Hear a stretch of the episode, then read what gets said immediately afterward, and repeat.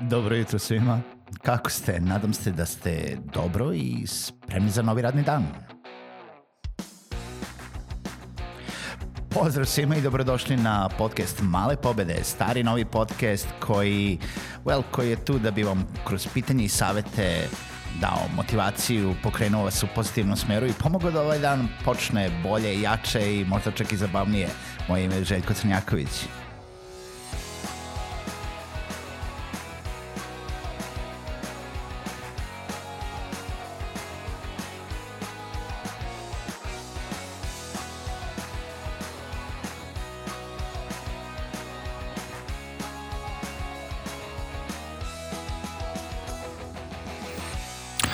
Pozdrav svima, dobro jutro i dobrodošli u najnoviju epizodu podcasta Male pobede. Prošli smo 200. epizodu u prošle nedelje i to je bio jedan mali jubilej koji sam hteo da proslavim zajedno sa vama. A, mislim, proslavim. A, sam sam sa, a, e, podigao jednu čašu a, e, nekog alkoholnog pića i kazao živela 200. epizoda podcasta. Hvala svima koji nas slušaju, a, e, hvala svim patronima koji nas podržavaju preko patron a, družimo ovaj, jel da, sistema. Uh, ukoliko vi želite da postanete Patreon podcasta Male pobede, možete to da uradite odlaskom na www.patreon.com kroz Male pobede. Isto tako možete da se informišete o tome kako možemo da sarađujemo ukoliko ste brand ili uh, neko drugo lice, uh, čitajući jedan post koji se nalazi na malepobede.rs u blog sekciji, uh, gde sam od prošle nedelje otvorio neke opcije saradnje. U, ovom, u ovoj epizodi želim želim da pričam o plaćanju usluga u inostranstvo, to jest šta treba da znate i budete svesni toga da ponekad a, kao firma jel da naručujemo neke usluge, neke servise, a, možda plaćamo nekoga u inostranstvu i to ponekad sa sobom nosi plaćanje dodatnog poreza. U stvari to je neka vrsta PDV-a, u stvari to je porez po odbitku za primljene usluge koje imate obavezu da platite u našoj zemlji jel, na uslugu koju je vršilo neko nerezidentno lice. Sad, to se, to je, mislim, ja sam se susreo sa ovim nedavno i onda želim da vam samo prenesem svoje iskustvo. Naprimer, e, često se dešavalo da za sve usluge koje plaćamo e, jel da u inostranstvo neki od nas su do sada to radili kao fizička lica, izvadimo cash, uzmemo neku privatnu karticu, to platimo i nikom ništa. Naravno, ukoliko ste firma, ukoliko ste preduzetnik, ukoliko ste bilo koje drugo pravno lice, a, možete da platite neku uslugu koju ste naručili preko firme i sad pričamo o bilo kojoj usluzi, nebitno da li je to e, Facebook ads, Instagram ads, e, neki servis koji koristite, da li je to neki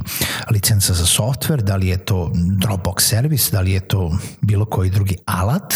koji koristite online ili ukoliko plaćate neku autorsku uslugu, na primjer imate kao ja u videoprodukciji imate voiceovera koji se nalazi negde u inostranstvu zato što je jel da, native speaker, jel da, to jest dolazi iz zemlje iz koje sam naručio ovaj glas ko, koji je ovaj jezik koji on uh, priča kao maternji jezik i možete to da uradite i da platite preko uh, jel da, vaše firme ukoliko vam to lice ili servis preko kojeg to lice radi uh, dostavi fakturu I sad prosto, da li je to uh, Upwork, Fiverr, uh, da li je njegova firma direktno, da li je bilo koji drugi servis, ukoliko ukoliko vi imate fakturu od njega, vi to možete da platite preko vaše poslovne kartice u inostranstvu. E sada, za neke usluge do sada, i to će vaše računovođe puno bolje da znaju, ali vi treba da znate unapred jer ćete vi prvo da potrošite pare, jer niko ne ode kod računovođe pita, ej, smijem da trošim pare na ovo? neki to rade, ali većina to ne radi, nego prvo potroši pare i onda vas računovođe informiše, e, ali za ovo imaš neke dodatne troškove ili za ovo moraš da platiš dodatni porez ili vam ništa ne kaže, nego sam do sada trošio, na primer, na Facebook Ads i na neke druge servise, ali kad sam platio ovo, odjednom sam platio porez, a za ono nisam. Zašto je to tako? Zato što e, postoji taj porez po odbitku e, koji e, se plaća posebno, recimo, nerezidentima u vidu autorskog dela. Znači, ukoliko e, vam neko pravno lice u ovom slučaju obezbedi uslugu e, nalazi se u inostranstvu i ta usluga jeste neko autorsko delo a lice se ne nalazi u zemlji sa kojom imamo uh, sporazum o izbegavanju dvostrukog oporezivanja kao što Srbija ima sa gomilom zemalja, ali sa nekima nema, onda vi morate dodatno, platili ste lupam 100 evra za, za nešto, potrošili ste to sa kartice, dobili ste fakturu, i onda dođe knjigovođa i kaže vam, e, ali sad morate da platite još i PDV od 18 do 20% ponekad to može da vas iznenadi, može da vam bude veoma neprijatno, možete da ispane da niste računali na to. U naravno, ukoliko se nalazite u sistemu pdv to možete nekako i da prebijete, odbijete, uvrstite u svoj PDV i tako dalje, ali ukoliko ste preduzetnik koji nije u okviru PDV-a, može da, jel da, na neki način, pod navodnicima, malo boli. Um, tako, na primer, treba da znate da uh, ukoliko kupujete usluge sa Fivera, e, Fiver ima e, registrovanu firmu i jel da, sedište u Izraelu sa kojem nemamo ugovor o dvostrukom uprezivanju. Usluge Fivera su uglavnom usluge nekih freelancera koje ispostavljaju, nebitno da li je to dizajn, logo, e, film, video, pisani tekst, voiceover, šta god kao autorsko delo i vi ćete na to morati platiti još dodatno 20% poreza u periodu kada vam uh, vaš računovođa to obračuna. Imajte na umu to i kao paušalac, imaćete obavezu plaćanja toga, tako da bi bilo dobro da se konsultujete ili sa nekom debelom literaturom ili sa nekim računovođom kada to treba da platite, kada ne treba to da platite. Uh, Na primer, ima slučajeva kada ne treba da platite taj uh, porez po odbitku i na primer uh, u to spadaju uh, neke, uh, neki servisi koji se a, vode kao a, koji nisu autorsko delo i koji se recimo vode kao reklama i propaganda. Ona takve usluge se ne plaća porez po odbitku i sad da se veoma razumemo po jednom tekstu koji sam našao, znači nije da ne plaćate Znači, nije isto da platite agenciji nekoj da vam vodi marketinšku kampanju ili da baš platite servis na kojem se vi reklamirate. Ukoliko plaćate marketinškoj agenciji u inostranstvu koja vodi vašu kampanju, to je na neki način njihovo delo